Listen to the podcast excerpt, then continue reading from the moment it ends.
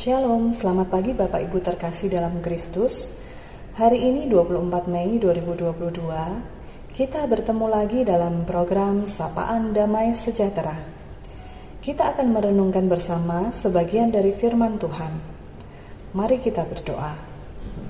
Tuhan Yesus, kami bersyukur atas cinta kasih-Mu yang senantiasa kami rasakan, sehingga kami boleh menjalani hidup ini dengan penyertaan Tuhan. Kami sebagai umat Tuhan yang rindu untuk selalu disegarkan iman percaya kami, kami mau merenungkan firman-Mu. Kiranya Tuhan menolong kami agar kami memahami dan melakukan kehendak Tuhan. Dalam nama Tuhan Yesus kami berdoa. Amin. Firman Tuhan hari ini terambil dari kitab Wahyu 21 ayat 15 sampai 22. Wahyu 21 ayat 15 sampai 22 dengan tema Yerusalem yang baru. Saya akan membacakan beberapa ayat saja, nanti Bapak Ibu bisa membaca sendiri secara lengkap.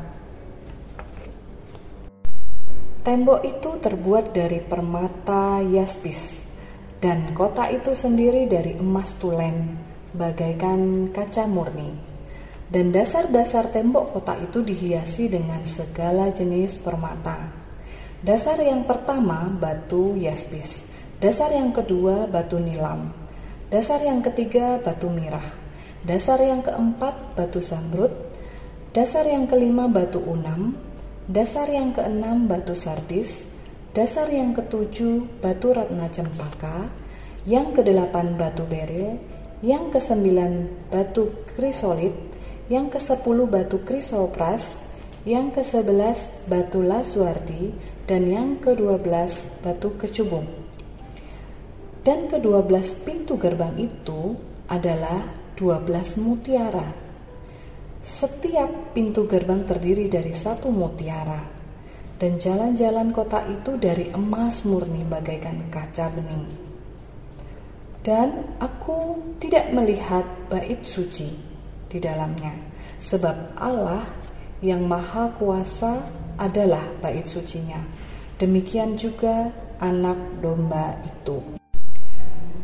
Bapak, ibu, saudara terkasih, mari kita coba mengingat dalam seumur hidup kita, Pernahkah kita mengunjungi suatu tempat yang menurut kita sangat mewah, sangat wow, sangat megah, di mana dari perabotannya, dari hiasan-hiasannya terlihat sangat memukau, di mana tempat yang membuat kita sangat terkagum-kagum, bahkan kita ingin sering-sering ke tempat itu, atau kita ingin tinggal di tempat itu.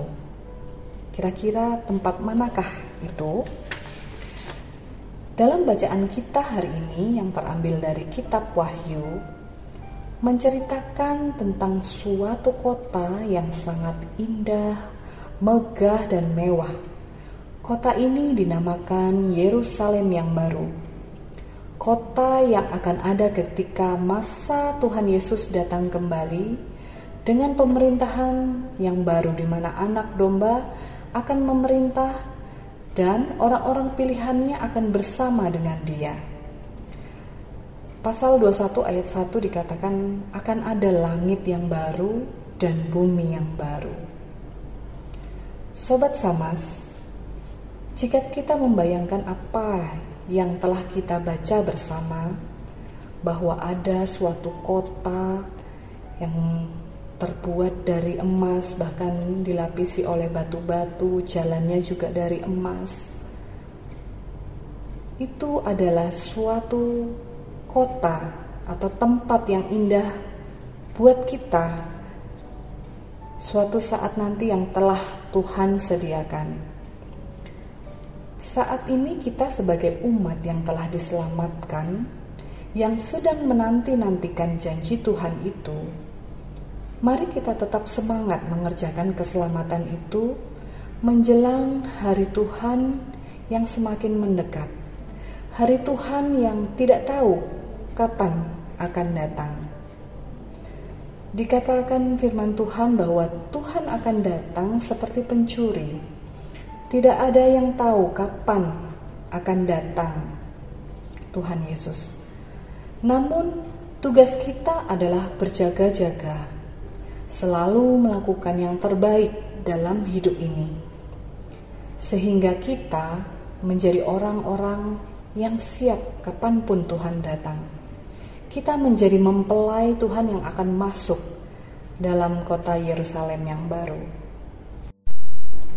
Bapak Ibu terkasih, ada satu ayat yang menjadi motivasi kita di dalam kita menjalani sisa hidup kita menjelang hari Tuhan, yaitu Kolose 3 ayat 23. Yaitu apa pun yang kamu perbuat, perbuatlah dengan segenap hatimu seperti untuk Tuhan dan bukan untuk manusia.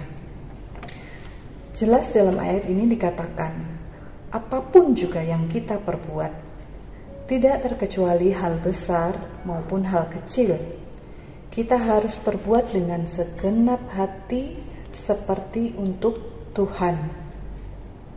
Saya ambil contoh dalam kehidupan kita sehari-hari.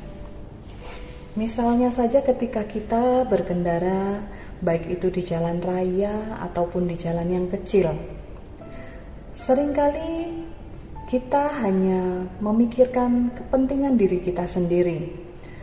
Asal kita cepat sampai atau asal kita tidak susah. Namun tanpa sadar, kita tidak memberi jalan bagi pengemudi yang lain.